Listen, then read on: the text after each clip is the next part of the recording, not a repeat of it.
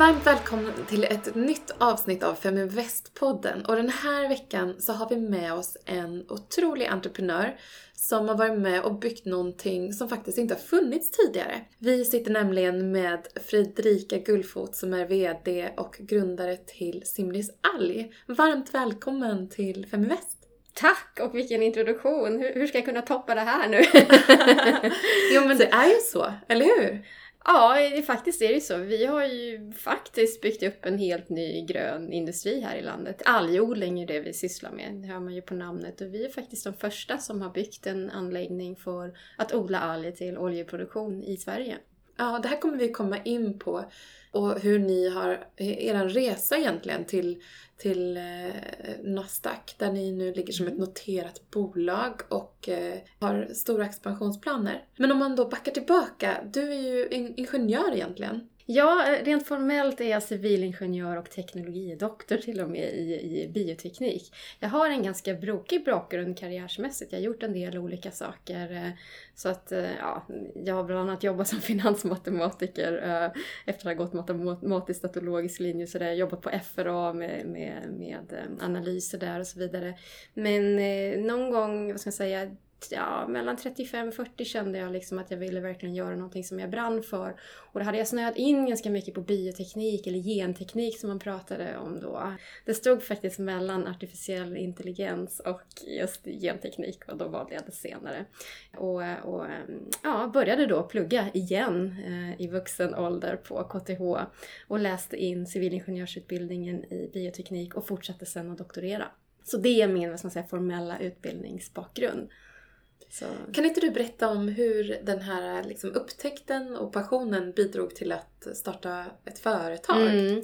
Ja, det var ju verkligen inte meningen då, utan jag trodde ju att det var forskning jag skulle ägna mig åt. Jag ville ju verkligen liksom förkovra mig på labb liksom, och på så vis komma på nya häftiga grejer. Men eh, liksom när, jag, när jag forskade då, under min doktorandtid, så forskade jag på, på, eh, på växtceller, eh, kan man säga. Och då såg jag liksom hur det började röra, röra sig just liksom inom algodling, både i forskning men också att det startades företag och så vidare.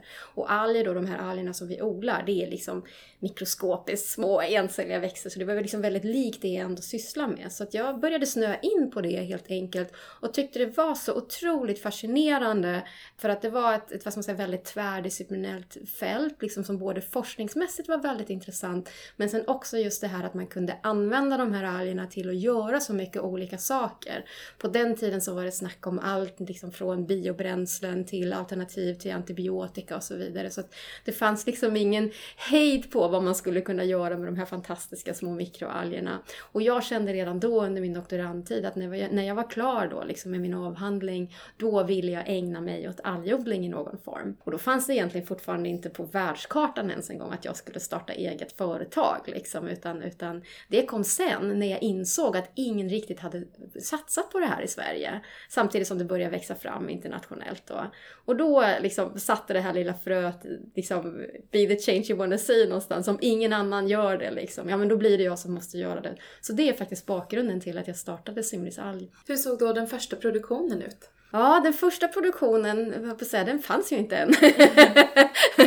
den första odlingen var i en vanlig flaska där man liksom, där jag, vad ska man säga, hade en, en, en liten sån här akvariepump och bubblade ner liksom luftbubblor in i det här algvattnet så att de kunde växa. Så vi började ju liksom i väldigt enkel rudimentär skala. Eh, parallellt med att vi utvecklade den här odlingsprocessen då som vi faktiskt har utvecklat eh, från grunden, från labbskala över pilot till numera industriell anläggning. Eh, parallellt med det här så utvecklade vi också liksom hela affärsplanen runt omkring. Och ganska så snart så upptäckte jag det här vad ska man säga, problematiken med, med eh, omega-3-industrin och överfiskning. För Uppdrag granskning hade två program om det här 2010 innan jag startade Simris Isle och de hette Det gränslösa fisket där de visade på att till och med svenska omega-3 varumärken var involverade i eh, olagligt eh, rovfiske utanför Västafrikas kust.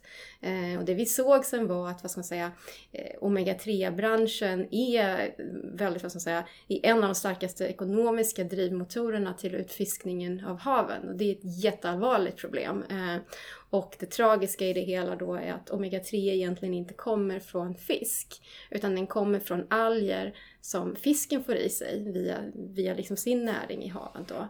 Och då tänkte jag att aha, då är det ju så sjukt mycket smartare att odla de här algerna istället och ta omega-3 direkt ifrån dem. Så det är, det är så att säga hur, hur, alltså hur det hela började. Så vi har ju utvecklat hela den här processen då för att odla just de algerna som vi är ute efter, som producerar just omega-3. Och då har vi som sagt, vi började i liten labbskala, sen fick vi tag i de här växthusen i Hammenhög där vi har hela vår odlingsanläggning. Eh, körde den i några år för att visa liksom hur, hur de här odlingsmodulerna skulle fungera. Vi tog också fram den, den, eh, den första oljan då, produktkvalitet, så att vi skulle kunna utveckla våra produkter. Och när det var klart och visat då tog vi in kapital sen för att kunna bygga ut anläggningen till full industriell skala. Och ni har ju många besökare som kommer till till den här eh, det är helt riktigt. Ja, anläggningen varje sommar. Ja, så att eh, sen, ja jag tror första gången vi hade ett öppet hus har jag för mig var i årsskiftet 2016-2017 vid julhelgen då. Och sen dess har vi faktiskt haft öppet hela, hela sommarsäsongen. Österlen är ju en turistregion så det kommer ju väldigt mycket besökare. Så torsdagar och fredagar så har vi öppet hus på Algfarmen och då kan folk komma dit och de kan gå på visningar och vi visar våra odlingar och så kan de köpa algglass och, och produkter i vår gårds gårdsbutik och så vidare. Och det här är någonting som vi faktiskt funderar på att bygga ut för det har blivit så pass populärt och sen är det ett jättebra sätt för oss att liksom nå ut med det vi sysslar med och våra produkter och sådär. Så, där. så mm. det, det är en rolig liten biverksamhet. Så.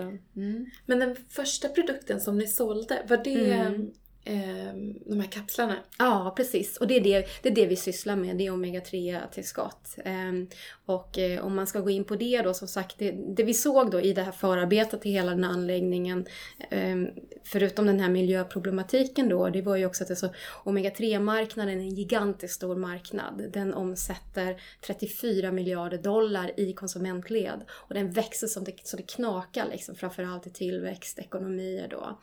Så att det här är ett problem. Eh, Världsnaturfondens fiskeriorgan, FAO heter de, eh, när jag startade Simris Isle så pratade de om att 83% av alla fiskebestånd är redan fullt utfiskade eller till och med överfiskade. Den siffran är idag, 2019, uppe i 90% så det här går åt helt fel håll. Världsnaturfonden har konstaterat att över hälften av allt liv i havet har försvunnit.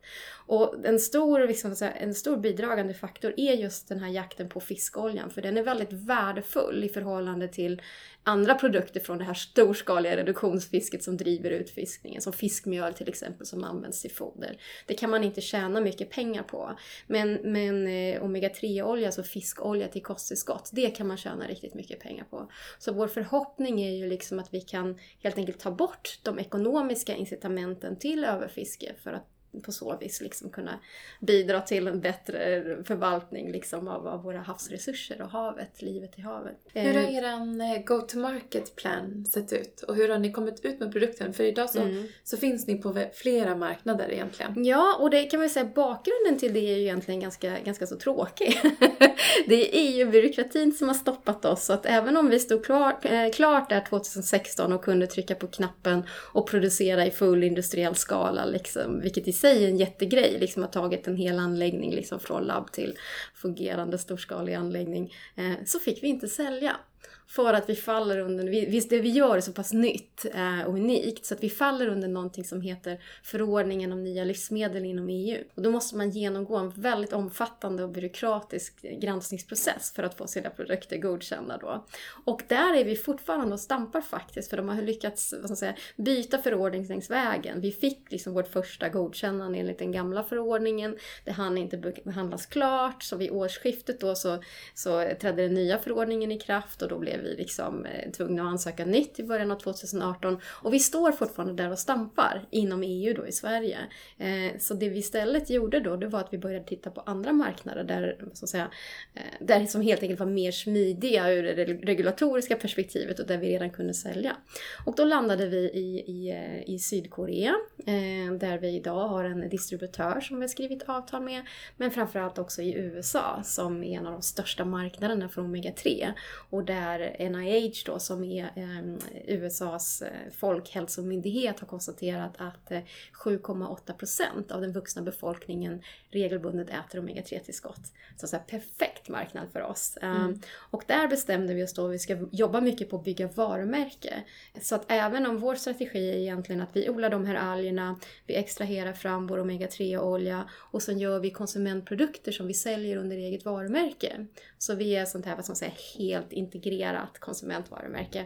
Eh, och då är den, den huvudstrategin är egentligen att vi ska sälja direkt till konsument genom e-handel. För det finns så fantastiska möjligheter där idag med liksom, man integrerar marknadsföringen i sociala medier med försäljningen och så vidare. Och finns en del varumärken som har lyckats jättebra på det här. Jag tänker på sådana som eh, Warby Parker brukar man nämna, Casper, eh, Glossier och så vidare. Så vi är en, en, en typ av ett sånt DNVB-varumärke om man vill använda buzzwords då. Men samtidigt så vill vi kombinera det här med en, en återförsäljarstrategi. Eh, för att, eh, både för att positionera varumärket men också för att vi behöver synas. För folk vet ju fortfarande inte om att vi finns. Så i USA så satsar vi på ganska trendiga butiker inom vad man kallar för ett prestige wellness segment då. Det är lite mera, det är alltså inte vad ska säga, hälsokostbutiker som Life och så utan det är mera sådana här eh, skönhetsbutiker, wellness, eh, fitness, yogastudio, Ja precis, för det design. ligger lite, lite Ja. liksom en kombination av dels att du är intresserad av hälsa ja. eh, men också eh, förmodligen alltså, åldersbevarande och den här typen av eh, ja, den typen av målgrupp som vill ja, men, ha- en fin hy och. Precis, för att om man tittar på om- omega-3 liksom generellt så alltså omega-3-fetter tillhör ju liksom de absolut viktigaste byggstenarna i våra kroppar. Och de är liksom inblandade i jättemånga liksom processer på cellulär nivå. Liksom. Och bland annat då hud och naglar och hår och så vidare. Men också hjärnan. Så 10% av vår hjärna är omega-3 liksom. Eh, Men så hur ser det- konkurrensen ut då eh, utöver de här eh, varumärkena som kanske använder fisken? Mm. Alltså om vi säger så här, eh, de flesta omega-3 tillskott som finns på marknaden, de görs ju från fisk. Så att 96% av all omega-3 kommer från fisk. Ehm, och, och eh, tittar man liksom på omega-3 generellt som kosttillskottskategori har ju den funnits väldigt, väldigt länge. Det har inte hänt särskilt mycket där. Och det vi ser är ju liksom att det här är en kategori där man inte riktigt har hängt med i de konsumenttrender vi ser idag. För människor idag är mycket mera liksom, vad ska man säga, man ställer krav på att produkter ska vara miljömässigt hållbara. Man ställer krav på att de ska vara säkra och fiskolja innehåller en hel del liksom, eh, miljögifter som tungmetaller, kvicksilver, PCB och dioxiner och så. Sen vill man kanske ha en spårbarhet i tillverkningskedjan. Man vill veta vad det man faktiskt stoppar i sig också kommer ifrån. Och det är alltså som säger när det gäller kosttillskott, alltså tänk gärna efter liksom var de här egentligen kommer ifrån och försök spåra det. Ja, I vårt fall, liksom, kom och hälsa på farmen. Liksom. Vi kan verkligen visa det hela då. Och vi tycker liksom också att eh, de flesta människor idag vill gärna också ha autentiska varumärken. Man vill liksom kunna identifiera sig med sina konsumtionsval, liksom, om man vill uttrycka sig så. Och, och eh, där vet vi liksom att ja, men vi tickar alla de checkboxarna. Så vi passar fantastiskt bra in i den här konsumentkategorin där man liksom verkligen är mån om sig själv och sin hälsa och sina prestationer och sitt utseende och så vidare. Men samtidigt också ställer höga etiska krav på miljömässig hållbarhet och så vidare. Och kanske har liksom börjat äta mer växtbaserat, man kanske till och med blivit vegetarian eller vegan någonting sånt. Och då äter man ju inte längre fet fisk och då har man ingen naturlig källa till de här viktiga omega-3-fetterna. Eh, så då är faktiskt alger det enda växtbaserade alternativet. Ja. Så vi är spot on när det gäller alla makrotrender i samhället. Så coolt att höra, väldigt Mm. inspirerande. Du har ju också en annan, eh, jag tänker en annan, gjort en annan cool resa som jag tror att många beundrar dig för. Och det är den här resan att som kvinnlig entreprenör eller som entreprenör Mm. har tagit sitt bolag från en liten odling i en flaska Mm. till, till en börsintroduktion. Mm. Kan inte du berätta lite om den resan? Ja, det där är ju lite intressant för att när man är mitt uppe i den resan så tänker man ju inte på det. Eh, utan det är just när, när människor som du frågar så inser jag att shit, det är inte så många tjejer som har byggt ett bolag och tagit det till börsen överhuvudtaget. Och jag vet faktiskt inte vad det beror på för att någonstans så har det ju liksom, det är ju någonting som har blivit. Jag menar när jag startade bolaget inte hade jag en tanke på att jag någonsin liksom skulle notera det här bolaget på Nasdaq First North. Liksom. Det, det, det fanns inte i planen. Jag var ju inne på att liksom bygga en algodling, rädda haven, göra bra produkter, liksom ut på marknaden, sälja. Men sen så, så hamnar man ju i det här läget att man liksom ändå måste finansiera det, det man håller på med. Och i vårt fall så är det ju här en ganska så att säga, kapitalintensiv verksamhet. Vi var ju tvungna att göra jättestora investeringar för att kunna bygga den här anläggningen. Och då brukar jag jämföra ungefär som om, om man utvecklar en app. Eh, hade vi varit ett bolag som utvecklar en app eller någon sån här måltjänst eller någonting sånt, då hade vi först varit tvungna att bygga iPhonen för att kunna göra den här produkten. så vi är liksom först var tvungna att bygga den här fabriken. Så det gjorde att det krävdes mycket kapital. Vi var väldigt, väldigt tidiga ute med algodling. Det är ganska ovanligt i Sverige med eh, finansiering i, eh, i tillverkande bolag, liksom i tidningsskede. Ganska ovanligt med konsumentprodukter av den här sorten. Eh, samtidigt som det var många liksom eh, privatpersoner som hörde av sig och ville investera i bolaget. Så det där ledde till att vi fick in fler och fler delägare. Först affärsänglar då, vi gjorde vår första affärsrunda 2012 och sen gjorde vi två så kallade private placement-rundor där vi fick hjälp av en eh, corporate finance-byrå och ta in kapital och, och, då fick man liksom automatiskt en ägarspridning på kuppen. Och då blev det naturliga steget sen att vi noterade för att då hade vi med liksom i avtalet med dem att vi skulle notera bolaget inom 24 månader. Och det här är också någonting, jag menar, sitter man med väldigt många delägare så måste man ju liksom ge någon möjlighet till att, att handla i aktien. Liksom. Eh, så, så det är bakgrunden till att det faktiskt blev så. Lösa eh, problem på vägen. Man löser problem, exakt! Och, det, och jag ska säga så här, det är precis det som bygga bolag handlar om. Det spelar ingen roll vad man gör, utan det är liksom ditt jobb som VD och som team member liksom, i, i ett sånt här bolag. Det är att lösa problem längs vägen. Och se möjligheter skulle man också kunna ja, säga. Ja, mm. Nej, så, precis. Och sen Sen kan jag ju tycka liksom ibland att alltså, eh, börsnotering ses ju för många som en sån där jättestor milstolpe. Och på ett sätt så var det en viktig milstolpe för oss. För det innebar ju liksom någonstans att vi var ändå tvungna att liksom rigga organisationen till att fungera i noterad miljö. Det finns ju regulatoriska krav på vad, det ska, vad som ska finnas på plats i, och, och liksom eh, regelbunden finansiell information och liksom alla de bitarna. Och jag tyckte det har varit bra för det ger liksom struktur till ett bolag. Eh, Plus att det liksom möjliggör för många att vara med och investera. Och det tycker jag personligen är kul. Jag brinner verkligen för det, liksom att, att liksom folk ska kunna få vara med. Liksom. Vi kallar ju våra aktieägare för Team Simrace. Liksom. Det är precis det det är. Liksom. Eh, för då fanns det ju fortfarande inte med crowdfunding. Det kom ju liksom precis lite senare. Eh, och nu för noterade bolag. Och nu för noterade bolag även. Precis, ja. precis. Men jag tycker där kan man väl ändå se det som att, säga, börsen och börsnoteringen är ju en form av crowdfunding egentligen. Liksom. Man tillåter väldigt många människor att investera i bolag. Liksom. Så, att det, det, så kan man ju också se det. Ja, verkligen. Mm. Och nu framåt så har ni ju eh, tankar på att expandera eh, och ta in kapital. Mm, precis. Eh, det öppnar här om... Eh, ja, det har ju öppet nu när den här, när podden publiceras till och med. Mm. Så teckningsperioden eh, börjar den 18 Precis. oktober, så det har ju varit. 18 till 31 oktober. 31 Exakt. oktober är deadline. Ah. Nej, och det har ju att göra med att, vad ska man säga, nu när vi har vad ska man säga, doppat våra tår här på den amerikanska marknaden och ser att det här börjar bli riktigt bra. Vi har fått in våra första återförsäljare, de är 13 vid det här laget. När podden, podden sänds så kanske de är någon mer här. Uh, men här vet vi nu, nu kommer vi behöva gasa. Vi vet liksom att det finns en tydlig efterfrågan på våra produkter. De passar jättebra in i de här kundsegmenten som jag pratade om. Så nu måste vi gasa och då behöver vi ta in kapital till försäljning och marknadsföring men också fortsatt driftskapital. För vi har ju fortfarande inte haft några försäljningsintäkter att tala om överhuvudtaget. Liksom. Så vi står fortfarande inte på egna ben. Och förhoppningen nu med det här kapitalet vi tar in är ju just liksom att komma en bra bit på väg liksom, och få ordentliga försäljningsintäkter liksom, för att klara oss själva. Eh, Vad så... ser du för utmaningar där då? Alltså utmaningen nu det är ju egentligen, vad ska man säga, eh, hålla tempo. Eh, som sagt, med den feedback som vi får från marknaden, från våra återförsäljare och våra kunder, så är jag inte ett dugg orolig för att inte det här kommer flyga och flyga rejält. Eh, däremot så är det jättesvårt att bedöma hur, mycket, hur lång tid det kommer att ta och hur mycket jobb som liksom faktiskt kommer att krävas. För även om USA är en stor marknad så det, liksom, det finns ju inget gratis. Eh, utan, utan nu måste vi liksom verkligen höras och synas och nå ut och komma in på tillräckligt många återförsäljare, ha en tillräckligt väl fungerande webbhandel, börja liksom få in liksom följare på sociala medier och liksom hela den biten. Så det är mycket jobb kvar skulle jag säga. Har ni ett stort eget lager där då någonstans? Och ni ett kontor ja, där? Vi har faktiskt, nej, kontor har vi, har vi inte än så länge. Däremot så har vi, eh, vi bildade för ett år sedan ett amerikanskt dotterbolag just för att liksom kunna sälja enkelt både till konsument men också återförsäljare så att de ska slippa ägna sig åt import. Utan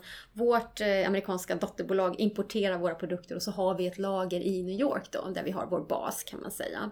Eh, så något kontor har vi än så länge inte utan vi har, eh, ja, vi har lite frilansande folk som liksom hjälper oss med att hålla butiksdemos och sådana saker. Och så reser vi själva över ganska mycket.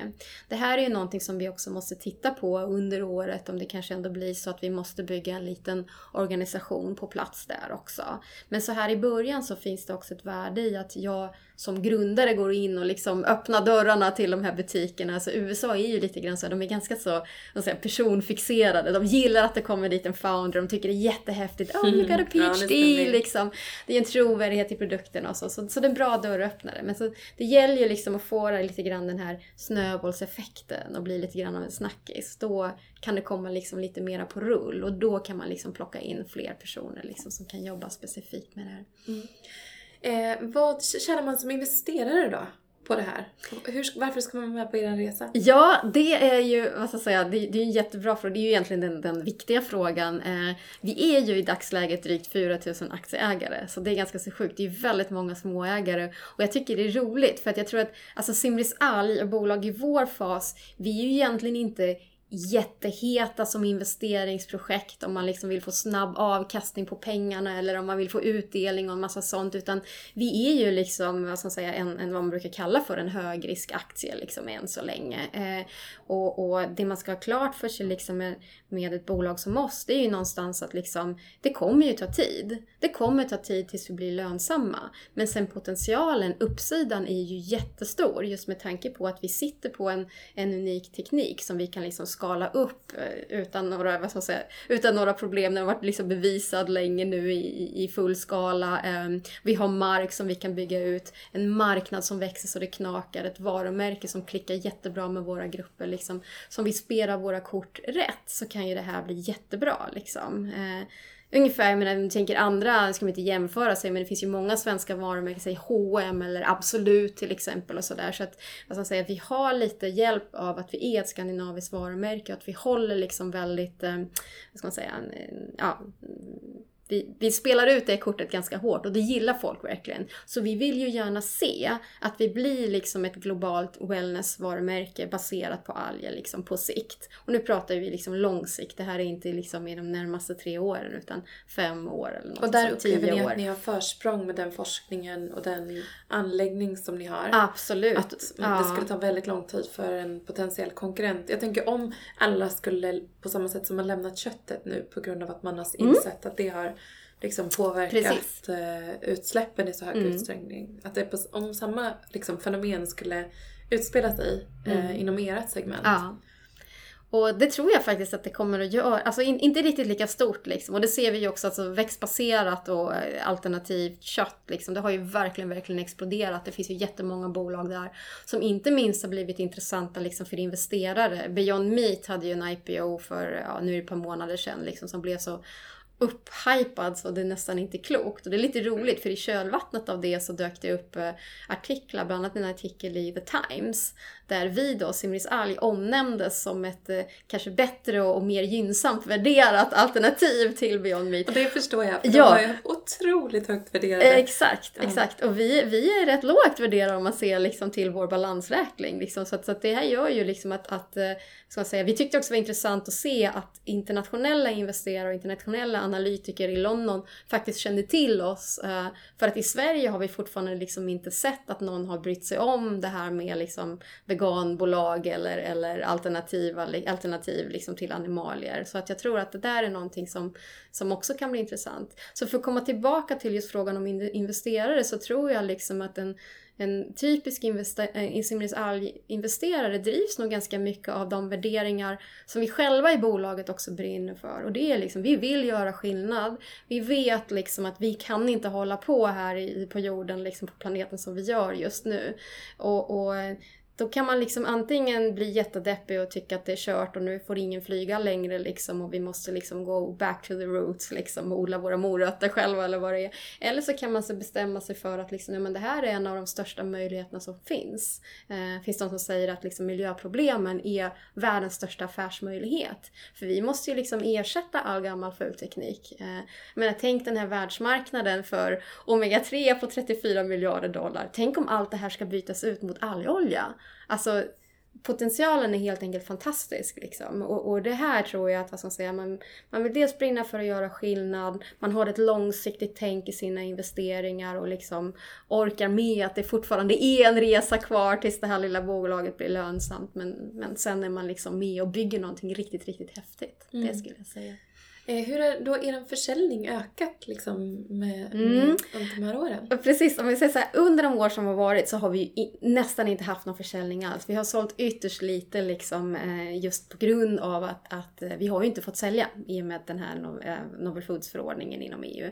Så att det är ju först nu i år egentligen som vi börjar lansera på riktigt och då hade vi redan Alltså redan första kvartalet så hade vi liksom sålt eh, dubbelt så mycket som vi gjorde, som vi gjorde förra året. Och det var för att liksom en större order från Korea kom in då. Eh, det går ju fortfarande, ska jag säga, eh, vi har fortfarande inga, inga liksom stora försäljningsintäkter utan det är ju nu som det här kommer att ta fart. Liksom, i, att vi, I och med att vi liksom trycker på gaspedalen nu när det gäller liksom försäljning och marknadsföring. Så att den utvecklingen ligger ju framför oss. Så att vi har liksom ingenting liksom, eh, som säger så här, även om vi har sålt mer 2019 eh, hittills än vad vi gjorde förra året så är det fortfarande liksom inga försäljningssiffror som, som är något att hänga i julgran liksom, utan det kommer framför oss. Så det måste man ha klart för sig liksom, att vi i nuläget inte, inte lönsamma. Vi behöver bygga försäljningen och det kan ta tid liksom, tills vi är uppe i riktigt, eh, riktigt höga nivåer. Så att det, mm. ja, Av de kunder som ni har då, jag kan ja. tänka mig att de är väldigt lojala. Mm, det stämmer faktiskt. Mm. Men vilka kommer till er? Ja, det där är ju en jättebra fråga. Vi var ju väldigt mycket inne på, liksom, vi satsar ju på vad som säger, trendsättande stadsdelar i, i, New York och Los Angeles. Och redan då såg vi att Los Angeles och västkusten i USA gick jättemycket, alltså gick väldigt mycket snabbare än vad det gjorde i New York. Och man tror ju liksom alltid New York är så trendigt och så vidare, men det tar lite längre tid där liksom än vad det gjorde i Los Angeles. Och det kanske också, alltså, våra, våra produkter är ju väldigt mycket LA liksom. Det är beauty, sustainability, vegan liksom gluten-free, GMO-free, bla, bla, bla. Så att de passar väldigt bra in där. Och där, där säljer vi idag bland annat liksom på Air One Market som liksom alla, alla paparazzi hänger utanför för där handlar alla filmstjärnor och sådär. Eh, så det är väl liksom den typen av, av så säga, ganska trendmedvetna eh, konsumenter. Men så såg vi också om man tittar på onlinehandeln som har börjat smyga igång att vi får ganska mycket återbeställningar där. Så de som upptäcker oss fortsätter också köpa våra produkter. Och det är ju liksom ett styrketecken om något, att man inte bara testar det här utan, utan att man fortsätter handla. Och de kommer faktiskt från liksom ja det kan vara Texas, det kan vara Illinois, det kan vara Washington, alltså från alla möjliga ställen. Så att eh, om man tittar på e-handeln så kan vi inte säga att det finns någon geogra något geografiskt område som, eh, som dominerar. Men that said skulle jag vilja säga så vi har alldeles för lite data än liksom, för att veta hur det faktiskt förhåller sig. Utan det här är också någonting som vi, eh, eh som vi just nu håller på att bygga upp och där vi kommer att veta väldigt mycket mer om bara ett par månader. För nu förbereder vi vad ska säga, en ny e-handelsplattform plattform som gör att vi mycket bättre kan samla in kunddata och, och göra bättre analyser på vad den här produktgruppen faktiskt, eh, faktiskt består av. Eh, när jag startade Simrisal så trodde jag att liksom kundgruppen det var som jag, liksom, medelålders kvinnor med eh, ja, miljötänk. Liksom. Men det visade sig sen att det dök upp jättemycket såna här crossfit-killar. I 25-årsåldern och jag tror att det är, det liksom, man är väldigt hälsomedveten, träningsmedveten och då ja, kollar man på det. Och de hade koll på omega-3 också också så det var kul. Mm. Mm. Så med andra ord, nu så pågår eh, teckningstiden fram Mm. till den 31 oktober. Mm. Eh, och var hittar man då eh, all information? Man kan gå in på er hemsida såklart. Ja, och enklast är väl då nästan om man vill få tillgång till all prospekt och så vidare och handlingar så ligger de på www.simrisalg.se investerare. Men sen är jag rätt säker på att informationen också kommer ut, kommer komma ut på nätmäklare som Avanza och Nordea och så vidare. Så enklast är egentligen alltid att, att liksom kolla med sin egen mäklare kanske, för de har ju lite olika sätt på hur man tecknar sig och sådär. Så. Precis, så att kolla upp i, i den, eh, hos den nätmäklare, den bank som du använder och sen läs mer på sibrisali.se investerare. Ja, Tack så jättemycket för att du kom hit och lycka till med expansionsplanerna. tack, tack själv så jättemycket. Det var jättekul att vara här. Följ Feminvest på våra kanaler Facebook, Instagram, Youtube. Varje vecka så kommer vi även ut med en podd och du kan ju självklart även följa nyheterna som publiceras på feminvest.nu. Det är bara att söka på Feminvest på samtliga kanaler så hittar du till oss.